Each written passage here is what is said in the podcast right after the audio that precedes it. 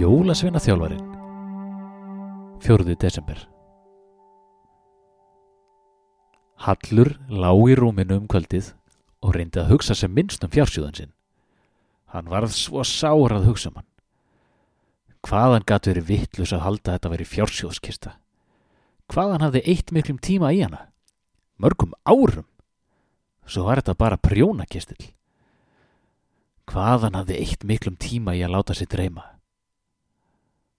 Hallur reyndi að bæja þessum hugsunum frá sér og einbytti sér í staðinn að hljóðunum í kringum sig. Hann heyrði vindin gnauða fyrir utan og marrið í húsinu. Það var alls ekkert draugalegt og hann var alls ekkert trættur. Það var ekki rók, bara góla sem bar ferska sjávarlóttið inn um rifun á glukkanum. Þetta var bara notalegt.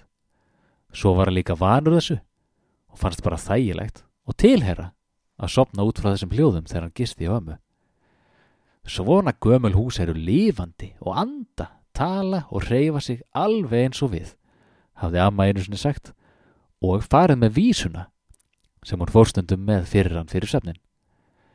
Hlustað ekki á hafið, bláa hafið, berja gluggana, lokaðu nú augunum og láttu sem þú sjáur ekki skuggana, sem tunglið varpar veggin á og vakka um hann til og frá. Ef hann læði velvillustir, gatt hann stundum heyrt í öldunum, alveg heimað húsi, en stundum heyrði hann reyndar ekkert fyrir rótunum í ömmu. Það þurfti reyndar ekki að hlusta mjög umgefilega til að heyra þær. Það fór ekkert á milli mála þegar amma hraut, en nú heyrðist ekkert í henni. En allt í hennu heyrði hann þrusk sem hann hefði ekki heyrt áður. Það brakaði einhverju, eins og einhver væri á ferli. Á öllum þeim árum sem hann hafði gist hana hafði amma aldrei vaknað á nóttunni svo hann myndi.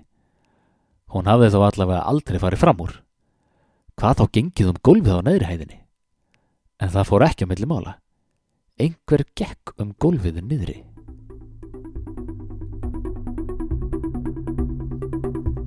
Fluttur var fjórðikabli jóladagatalsins um jólasveina þjálfaran eftir Egil Haldarsson. Þykist útvarfið 2021